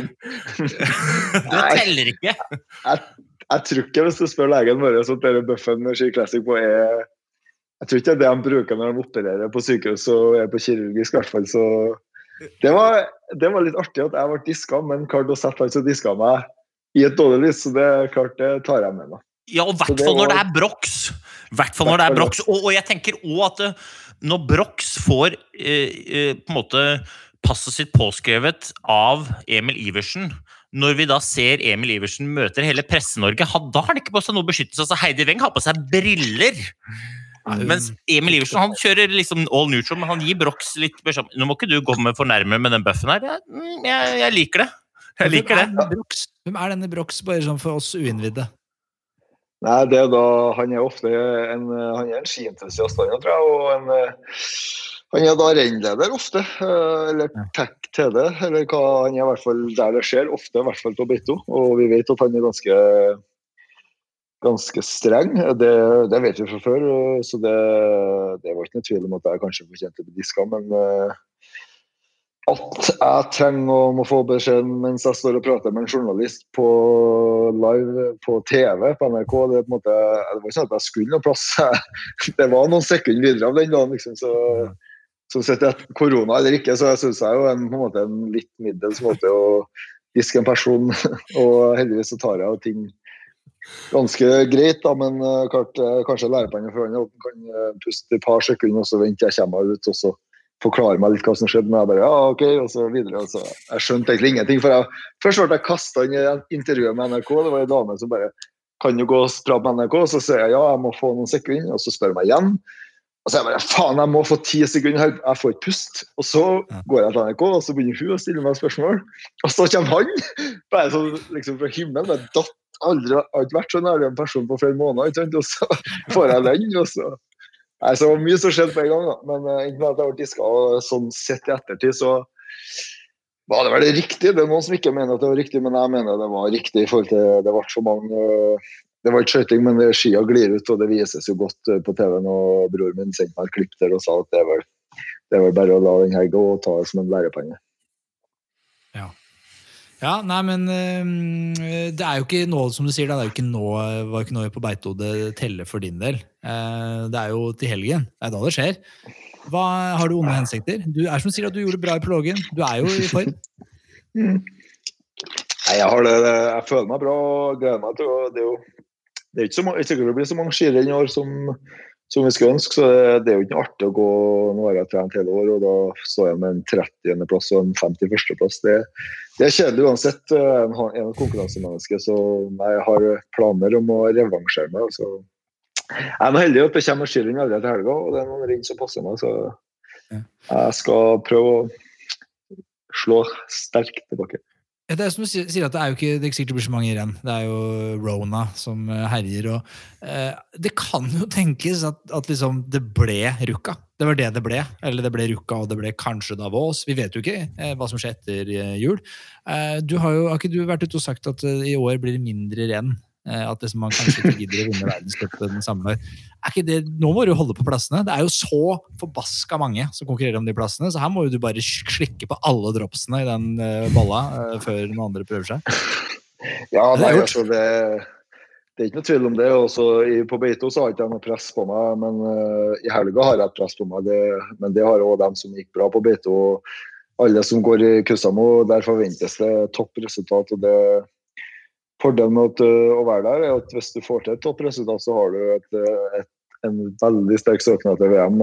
Det er ikke noe tvil om det, men hvis du gjør det dårlig, så er det en dårlig søknad. Men jeg er veldig glad at jeg er det får gå der, i hvert fall, og har planer om å gripe den sjansen. og Jeg trives noe godt inni her, utrolig nok. så jeg håper og tror at det skal ja, det har vært en fordel. Og, ja, nå har jeg ikke fått en god start på sesongen, men jeg kan fortsatt få en god start på v-cupsesongen. og det tror, jeg, det tror jeg skal bli bra. her.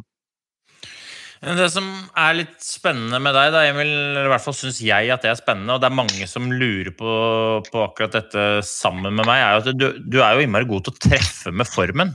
Eh, du er jo, eh, du er jo like god til å eh, snakke deg sjæl ned på sommeren som du er til å treffe med formen. Men hva er det som er nøkkelen, hva er det som gjør det? For det er ikke første gangen at du sladder inn i Rukka med litt sånn bob-bob beitestølen, og så øh, Jeg tror helt alvorlig at du kommer til å øh, være helt oppe i toppen alle tre dager på, på minituren som kommer nå. Hva, hva, er det som er nøk hva, hva, er det du gjør da, sånn helt konkret? Som, hvordan kommer du i den formen? Nei, Det er klart eh, det med at jeg snakker meg litt ned, det er jo mente, det er mye mentalt med det greia vi driver på med. så jeg tror på en måte jeg snakker meg ned, men samtidig er jeg da på å bygge meg opp meg sjøl til at jeg skal liksom ja, jeg holder igjen, holder igjen, men altså, når Kusamo kommer, da vet jeg at det er noe helt annet spenningsnivå. Det, jeg trenger ofte høyt på beito for å eventuelt få litt juling, komme inn litt i rutiner og sånne ting. Og jeg vet at det har skjedd uh, mange år tidligere. Egentlig så var jeg i bra form i år, da, sånn sett, men uh, fikk ikke noe gode resultat. Men i hvert fall det, et av mine beste år som uh, skiløper for en par år siden. Så det var overskrifta i, i lokalavisa 'Rådvill Iversen vet ingenting, skjønner ingenting'. Da hadde jeg gått skikkelig dårlig skirenn uh, flere dager på beito. og ja, Da visste jeg jo på en måte egentlig ikke oppriktig noen ting hva som var greia, men så endte jeg opp med tre v-cupseiere og kom inn på landslag i løpet av den vinteren. Så det er klart jeg har noe litt erfaring med det òg. Men eh, det, jeg tror det er mye mentalt. Altså at man på en måte, det, det er For min del er det kussa mot Sumil. og det har det vært lenge. og da ja, Det er det som har vært i tankene mine lenge. Så, men jeg vet ikke sånn. Jeg har ikke noe sånn det er ikke sånn Langrenn ikke sånn det er det eller det eller det, men det er jo kanskje flere ting som gjør at det er form da, men det er jo mange andre som er det òg. Ja. Men rent sånn treningsmessig og sånn, trapper du ned? Gjør du flere hardøkter? Liksom, hvis man går litt konkret til verks, er det noen sånne Eller det, gjør du alt som vanlig? Nei, jeg trapper litt ned. altså det Jeg har vært godt på Sjusjøen og på Beitostølen. og det der har det vært båndløst, og det har vært regn og det har vært sug hele tida. Så det har vært tunge uker sånn sett muskulært. Så når jeg er ferdig med beito, så er det hjem og se siste rennet på søndagen på TV. Sove, eh, sove lenge, se det, slappe av hele dagen. Og så er det bare å ha noen litt sånn lette økter i eh, resten av uka. Og bare måtte begynne å ta litt, uh, få litt avkastning på det du har gjort. Da. Så i har jeg f.eks. hatt en, seks ganger seks intervall med litt uh, I3, som vi kaller det på fagspråket. og da, da kjenner jeg at det fungerer greit, men jeg bare holder igjen og på en måte sparer og bare lader litt opp til helga. Og prøver å ikke ta ut uh, for mye form uh, for tidlig, for det blir jo en tøff helg. Så det, det, er bare egentlig Ja, Sorry, Hæ? disse ulike intensitetsnivåene, hva, hva, hvordan fungerer det igjen? Jeg er jo ikke så innafor vi har jo rolig trening, da, det kaller vi for I1. Og så kaller vi sånn terskel, da, eller ja, det er vanskelig å si, men en, en sånn halvhard intervall som du kan på en måte gå et drag på en time eller 15 minutter eller 20, altså lange drag. Det er det vi kaller i, fi- i tre, og så er det på en måte i fire og fem. Da er det fem minutter eller kortere og skikkelig hard innsats. da. Så en sånn seks ganger seks i tre er på en måte en liten IT-økt i vår målestokk. Da, så da har du ikke så høy fart, og det er ganske lav total tid, sånn at det blir egentlig ganske lett økt. Det, det Emil sier her, er jo liksom det som vi snakka om sist, Hanso, med at det, det er innmari mange som går før beiseren og så på en måte De tror de lader opp, men så driver de egentlig med energitapping. ikke sant? De kjenner på formen hele tiden, og så skviser de sitronen litt på hver eneste økt for å kjenne om de fortsatt har det, istedenfor det som Emil sier. Han sier jo eh, jeg tar en eh, økt, og så kjenner jeg at det fungerer bra, og så istedenfor å så prøve å kjenne om det kjenner bra ut, hvis jeg, så bare bremser jeg. Så bare, ja, det er bra. Det er god stemning. Det Ja, det- er jo det, det- det som er nøkkelen, kanskje? eller? Ja, det er veldig mye det. Altså, sånn som i dag kan du tenke ja, jeg gikk to dårlige skirenn sånn resultatmessig, og gjerne skulle tro at jeg ville være veldig sikker på at ok, i må jeg ha ei hardøkt, eller men jeg kjenner at jeg, det fungerer greit, og da er det bare å Da vet jeg det, og da holder jeg heller igjen. De, de dagene jeg har gått gode skirenn, da går roligst spinntall eh, eh, imellom. Så det er ofte et godt tegn hvis du har på en måte sjøltilliten. Du kan bare du vet, Det, det, det er helga som kommer til uansett. Det er ikke noe vits hvor fort det har gått i dag, så det er veldig glemt eh, på fredag. selvfølgelig. Og det, det gjelder jo egentlig resultatene på beite òg. Sånn sett, så det, nå er det fredag, lørdag, søndag. og Det, det er ikke noe vits å snakke om hvor mye du har trent, hvor bra du har trent, eller nå er det resultatlista som kommer til å avgjøre Ja. hvor bra det har blitt. Det er en annen ting jeg har tenkt på, um, Emil. Det er, du, sånn sommer, eh, om sommeren og sånn, så virker det som at du, du er lugn. Det er ikke noe, det er ikke noe å si. Det er ingen det er ikke noe å si hvem som er best om sommeren. Øystein var jo, han vant jo, har vunnet alt i sammenheng på sjø- og havnivå. ikke sant? Jo, eh, og så kommer vinteren, og så er det så fort det er lenger enn halvannen kilometer. Så øh, husker ikke jeg hvor du har på resultatlistene, men, men der er jo du øh, Emil. Du er jo øh, om sommeren kanskje ikke så framme i sandalene. Når det er Sandnes, så legger du deg i gurpettoen. Og så om vinteren så er du jo helt framme. Og jeg skjønner ikke jeg tenker sånn, Hvis du er fysisk best altså hvis, Krüger, da, hvis han kan snappe mest oksygen, da bør han få pakke, øh, snappe mest oksygen om vinteren òg, nesten uavhengig av stilart. Og, jeg skjønner at det er noen teknikker, da, jeg er ikke tilbakestående, men jeg syns fortsatt det er fascinerende. Ja, det syns jeg òg. Det er klart jeg er jo takknemlig for det, at det på en måte fungerer den veien der på meg. Men eh, altså det, det langrenn er komplekst. Det, liksom, det er så individuelt hva som funker for en person. og Jeg har på en måte vært heldig. og Jeg vet hva som jeg må gjøre for å være god til å gå det som møter meg på vinteren. og det, det tror jeg nok alltid har vært en av mine sterkeste sider. at jeg har vært, eh, altså Hver eneste økt jeg gjør, er kun for å prøve å være så god som mulig på de skirennene jeg skal gå. Så alt annet er på en måte helt eh, likegyldig. Og så har jeg nok vært veldig, er nok veldig kynisk og flink til å, å, å tenke sånn, men samtidig så er jeg jo et konkurransemenneske, og jeg syns det er kjipt å bli pissa på på blink. Og uh, toppidrettsøker som har de dårlige øktene, men jeg klarer å legge det bak meg. og ja, det, Jeg vet at hvis jeg får gjort det jeg vil, så er jeg ja, jeg, jeg, tror jeg er ganske flink til å på en måte, Jeg vet hva som skal til for å gå fort i langrenn. Jeg har ikke så mange sterke sider egentlig som person. Jeg har ikke noe mye jeg kan briljere med. Men jeg, det vil jeg ha på meg, at jeg er flink til å på en måte, Jeg er en god langrennsløper. Men jeg har ikke noe høyt O2, har ikke noe sinnssykt styrke eller noe teknikk. men liksom det er, så, det er så mange ting da, som jeg, som trengs for å til for å være en god skiløper. og da, Der er jeg ganske god. Men eh, hvorfor, det, vet, ja, det er ikke helt enkelt å si. Ja, også vi trenger jo altså, vi trenger jo Emil Iversen. Én ting er at du er god til å gå på ski, Emil, og det her mener jeg helt alvorlig. Du er jo kanskje det mest komplette vi har eh, per dags dato. Eh, selv om du skøyter litt, og selv om du ikke liker når det snør. Men hei, jeg skøyta litt sjøl og liker heller ikke når det snør. Men du er jo i tillegg en sånn fargeklatt. Da. Så vi trenger noen som melder litt. Rand. Vi trenger noen som sier til Brox at "Du, Brox, nå må du ta den bøffen med et ordentlig munnbind og hold deg unna. Så jeg heier på deg uansett, det skal du vite. Jeg heier på alle, men jeg heier også på deg. ja. ja, men det er bra. Det Nei, det er viktig å, det er viktig å kunne ja.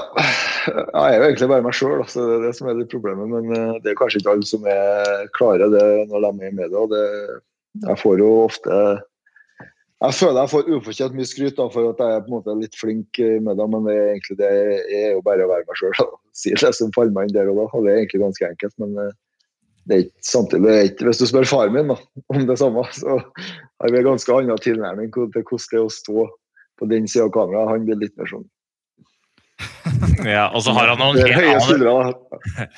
Ja, men det er lett å ha høye skuldre med den sveisen faren din har. Det skjønner jeg også.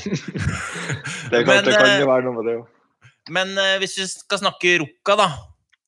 Mm. Og kikke litt inn i bobla der. Hva, hvordan blir eh, helga? Hvem er det vi liksom Hvem er det eh, Emil må gønne ned i siste bakken for å heve armene? Mm, Det, er vel, eh, det blir vel litt Det er noe ganske likt det som skjedde i fjor. så Johannes er jo på en måte sikkert storfavoritt. Bolsjunov er oppi der. Ivo Niskanen han har jo aldri gått en dårlig 5 km i Kusamo, så det er kanskje dem tre som er de mine argeste konkurrenter. For å Jeg gikk veldig bra i fjor, så det, jeg gleder meg. og Minitor passer meg ofte bra, men jeg må være på hugget fra første starttak. sånn. ja, jeg gjorde en teknisk, en taktisk feilvurdering i fjor og syns jeg hadde en steika bra spurt mot Janes, men den bakken opp der han er rapp, så hvis, hvis jeg skal slå han, så må jeg i hvert fall være før han inn i den bakken. Det er jeg fullstendig klar over. Så det får jeg eventuelt prøve på det. Men har du hørt noe Er det noe word on the street om hvordan det går med russere? Hvordan er Dario? Er det noe, har det kommet noen fra Italia, eller er det fortsatt er, Går tyskerne på ski? Er det noe, er det noe Kommer det noen? Gøring lagt opp, eller hva? hva? Ja, Gøring altså, slutter. er. Andreas Slutter, kommer han? Hvordan er det? Ja, nei, altså Det er et godt spørsmål, men det, der er jeg helt eh, blank. egentlig. Vi har jo sett at eh, Sverige sender vel kanskje en av de tynneste herretroppene verden har sett maken til til, til Ruka. De kjører fem Jeg vet ikke om jeg ja, fem Jeg, husker ikke hvem det var, men en del eh, middels ukjente navn, kanskje. Så håper jeg at russerne stiller sterkere. og da er jo, Vi trenger, vi trenger de utlendingene vi kan få, ellers så blir det for kjedelig. så Håper jeg vi får se en sterkt eh, timanns eh, russisk tropp, i hvert fall. Og da ja, de har jeg hørt. Jeg har hørt rykter om at de hadde noe uttaksring, og det har vært ikke 1000 russere, men fullt russere inni. De har alltid noe sånn renn før sesongen starter, for å komme seg inn i worldcupsirkuset. Og da, da skjønner jeg at det står litt på spill der òg. Sånn sett så tipper jeg at det er noen, noen sterke russere. Så får jeg håpe at Mosjonov hadde jo trent en 30-40 timer i uka en par uker før uh, Kusamo i fjor og var litt seig, men eh, så tok han seg en halvtime lenger eh, med søvn eh, på mandag etterpå, så, ja, så så han seg tilbake. Så jeg tipper nok at han har lært litt fra fjor og er med litt bedre fra første stund. Det dukker alltid opp noen nye russere, føler jeg. Sånn der, som plutselig bare, de, de har en slags fabrikk så hvor det bare pumpes ut sånne maskiner. sånne skjeggete hår. Det er så mye hår på kroppene. at det liksom de, eh, altså- Det er mye hår og lite hårvoks. Ekstremt, ja. Det eneste, eneste nasjonaliteten som grer håret framover når du ser på fest, det er russere.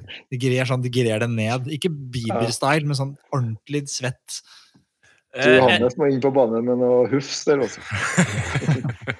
Men en annen, ting rundt, eh, en annen ting rundt Ruka, Emil, som jeg lurer på. Um, fordi at uh, Svenskene hadde jo åpning her i, i Bruks, og det var jo god stemning, det. Uh, også på damesiden så var det jo uh, Ebba og Frida som var helt King Kong, og så meldte jo da De meldte ikke det selv, det var vel Linn Svan som meldte det at uh, Johaug var sjanseløs. Og det er jo sånn Det er jo kanskje hardt å melde at Johaug er sjanseløs etter helgas altså Hun kunne jo ikke gjort det så mye bedre selv. Hva, hva tenker du? Hva tenker du? Tenk, blir det liksom Kommer vi nå til Rukka, så ser vi Johaug er liksom bare en buss i forhold, liksom? Eller hva tenker du?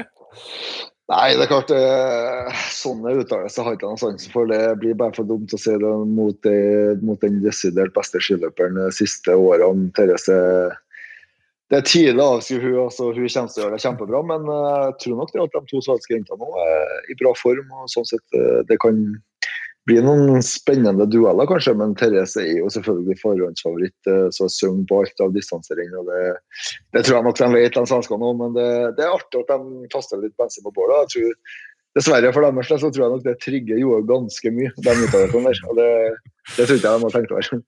Men er det da sånn at din sindige far, da, som eh, for de som ikke vet det, har ganske mye med disse damene å gjøre, eh, er det sånn at han lar seg liksom brusere litt i de fjæra han ikke har på hodet da, eller er det, hvordan er det?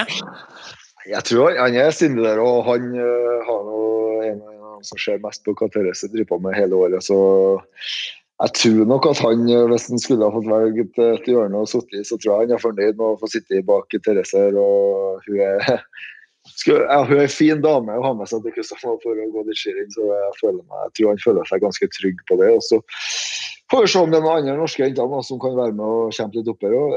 Det, er noe- kanskje det er jo et ganske stort eh, gap nede der, da, så jeg håper at de kan tette luka litt. Og, så det er flere som kan være med og banke noen av de svenske jentene. Ja, Det blir kult. Vi, vi heier jo på deg, Emil. Det er som Øystein sier, Jeg elsker jo folk som tør å melde litt. Jeg Er litt uh, frampå. eh, så det er bra. At det er, så, det er gøy når sånne folk vinner, for da blir det litt leven. Ja, Så- hvis jeg vinner, altså, Det er ikke ofte jeg vinner, det er jo på en måte på godt og vondt, det, men uh, hvis jeg vinner, så vet du at det blir vinner jeg helga, så blir det vinner, Hvis du vinner, Emil, eh, gir du en shout-out til Skipodden, eller eh, blir det bra? Hvis jeg vinner, hvis jeg vinner turen, da må jeg få komme tilbake neste uke, og så skal jeg bare Da, vil jeg ha en ny episode. Og Ja. Det skal være utelukkende med deg. Eh, Det, Ja. Da blir det en sånn ekstra da lover episode. vi. Vi lover. Snakker ut, og da skal jeg bare få alt jeg har på hjertet ut. Det kan vi ha en avtale på.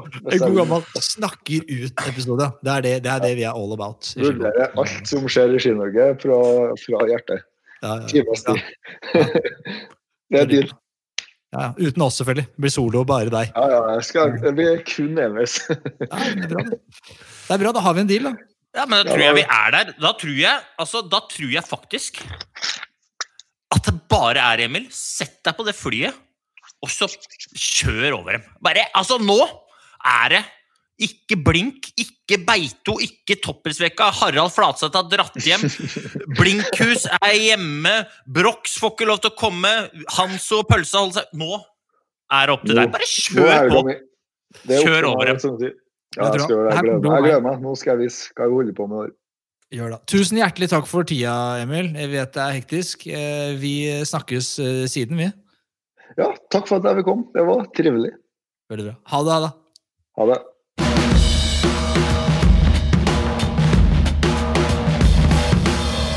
Det er tid for eh, ukas limerick. Ja, det er jo vår venn eh, Nordgarden som er vår hoffleverandør av, eh, av limerick. Eh, sist uke, hva syns du da, Øystein?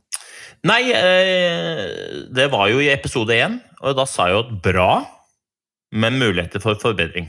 Ja, sånn- samme som oss. Samme som oss. Han er i samme båt. Men han også er jo litt rusten. Han er jo tatt fram fra Lillehammer-OL-skapet, ned, børsta av um, støvet.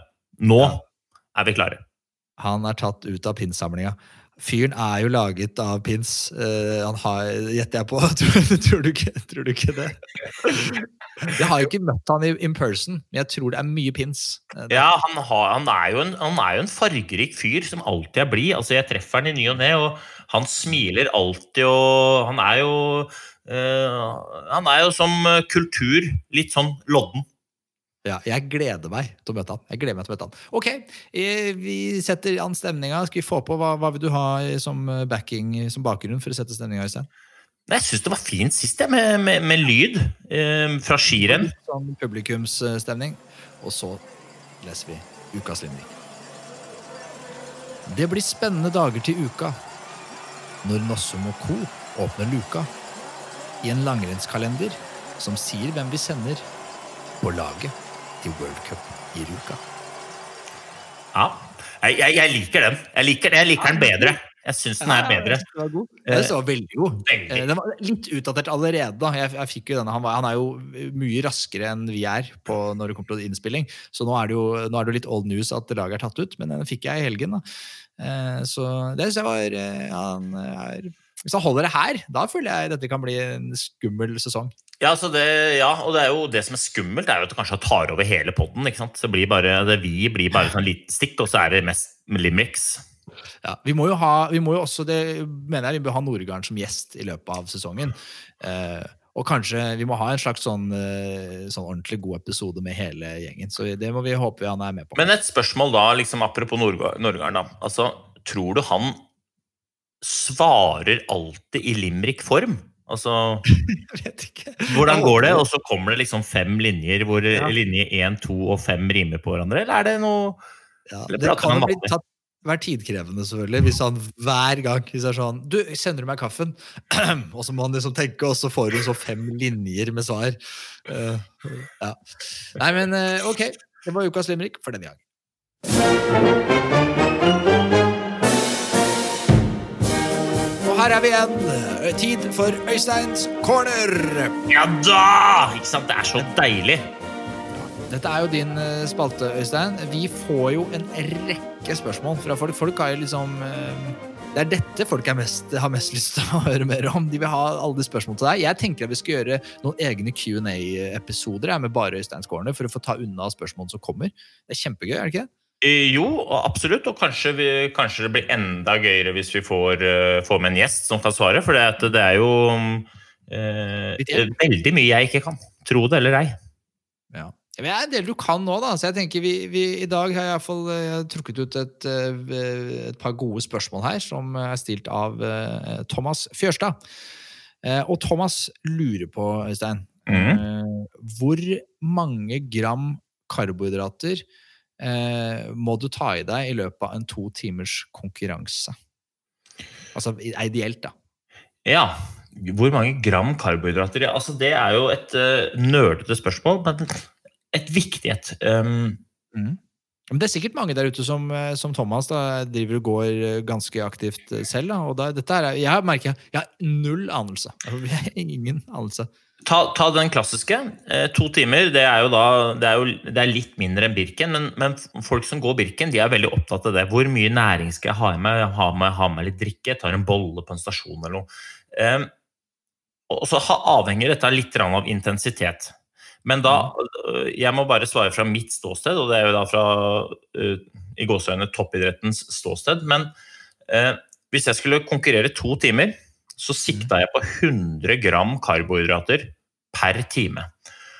100 gram karbohydrater, og da tenker folk sånn Ok, men hva, hva betyr det, pølsa? Jeg skjønner ikke, jeg hører det du sier, men jeg skjønner ikke hva Det det høres betyr. mye ut, tenker jeg, da. Ja, sånn- ja, og det er ganske mye. Hvis du tenker deg én gel, du vet en sånn Mm. pakke med gel. Én gel er som regel, eh, hvis vi skjærer alle geller over en kam, 25 gram karbohydrat per gel. Eh, Så det betyr jo da i løpet av en time så bør du ha i deg Hvis du skal sikte på 100 gram i timen, så bør du ha i deg da fire gels på én time. Så når jeg går Birken, som går på da litt over to timer, to timer og 20 minutter, så, så, så går jeg på sånn ca. åtte gel. Da starter jeg med en gel på start, og så tar jeg én gel hvert kvarter ca. Og så da, da holder jeg da det siste kvarteret på, på juice, da. Eh, og så kan man jo da liksom si ja, men det hørtes jo innmari mye ut. Man, skal man ikke drikke? Jo, eh, man skal selvfølgelig drikke, men eh, i hvert fall så lenge det ikke er så innmari varmt, så er min erfaring at det er bedre å ta i seg gel enn å drikke, for at du skal drikke ganske mye for å få i deg 100 gram karbohydrater i en time. Altså, eh, 100 gram karbohydrater, det er én liter cola. Så hvis du da, hvis du da, hvis du da skal gå Birken da, og bare drikke, Mm. og du bruker tre timer, så må du drikke tre liter cola. Det, det, det er ganske mye cola.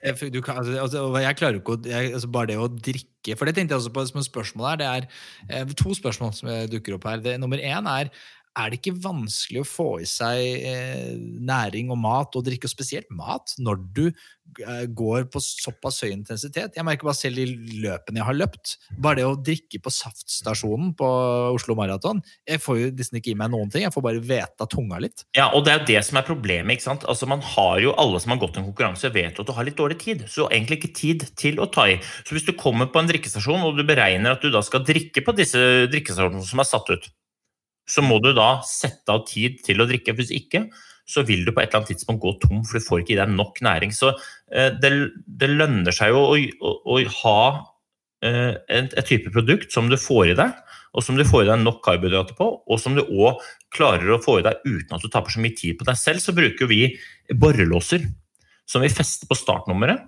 og så fester vi ene delen av borrelåsen på startnummeret, andre på gellen, og så limer vi det fast sånn at gellen er på.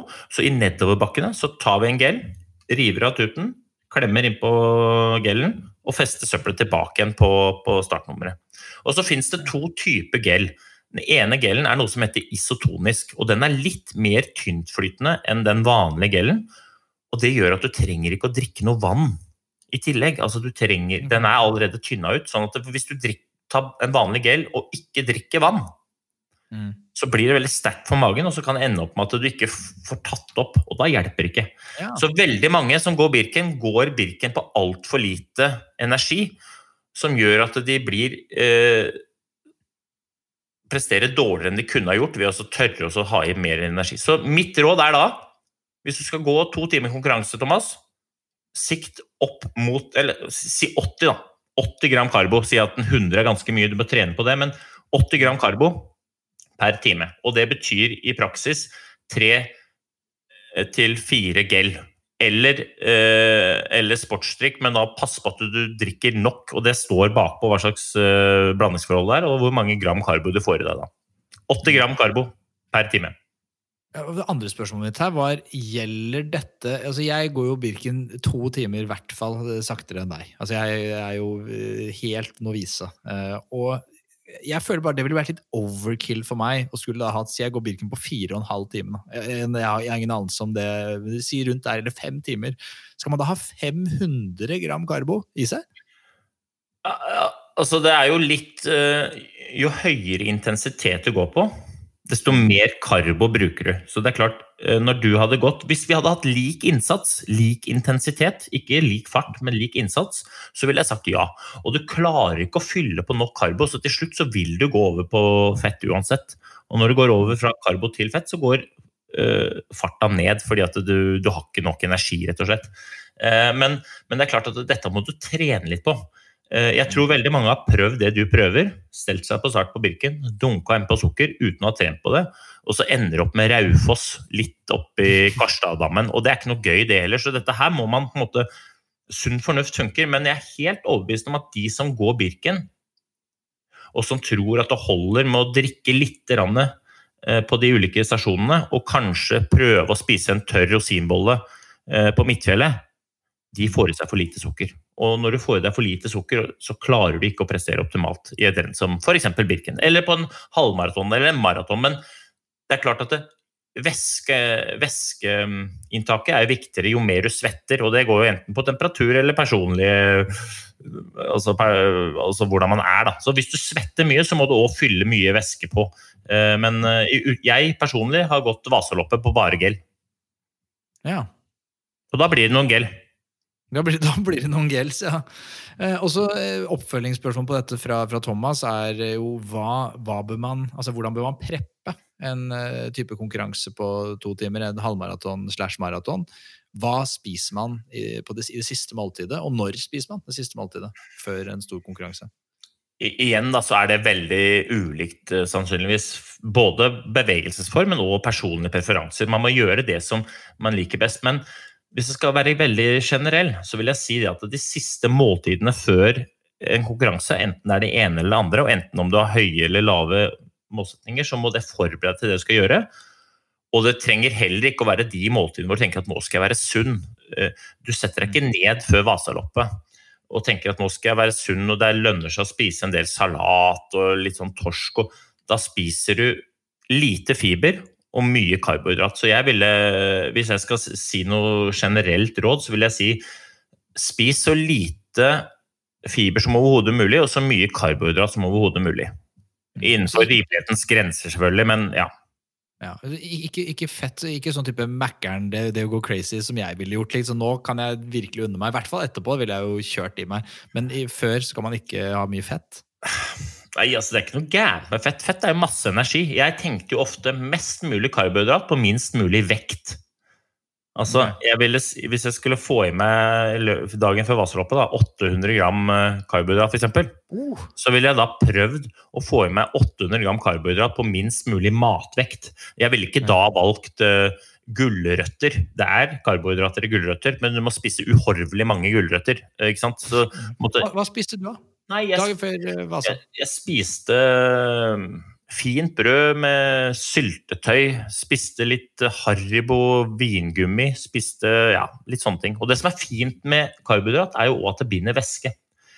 Sånn at du stiller til start med mer væske innabords enn vanlig. Så da trenger du kanskje ikke å drikke så mye underveis, fordi at når du forbrenner karbohydratene, så frigjør du væske.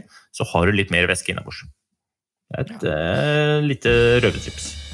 Ja, dette er bra. Vi uh, hører at uh, outro-vignetten vår begynner, Øystein. Det betyr bare én ting, det. Vi har babla altfor lenge. Uh, men det er alltid en glede, og vi håper at folk fortsetter å følge med. Fortsett å sende inn spørsmål, innspill, spesielt den debatten vi hadde, diskusjonen da, vi hadde i starten av podkasten. Er vi jo veldig interessert i å høre hva dere mener om. Så trekk deg er mer, mer å si enn at vi snakkes. Ha det!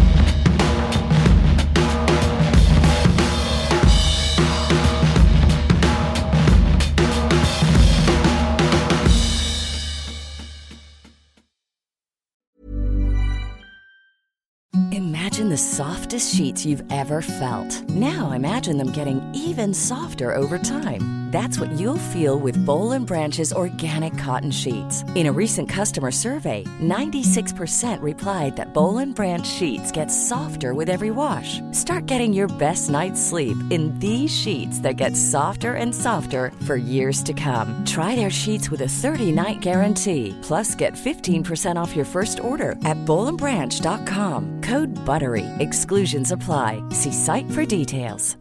Even when we're on a budget, we still deserve nice things. Quince is a place to scoop up stunning high-end goods for 50 to 80% less than similar brands. They have buttery soft cashmere sweaters starting at $50, luxurious Italian leather bags, and so much more. Plus, Quince only works with factories that use safe, ethical, and responsible manufacturing. Get the high-end goods you'll love without the high price tag with Quince. Go to quince.com/style for free shipping and 365-day returns.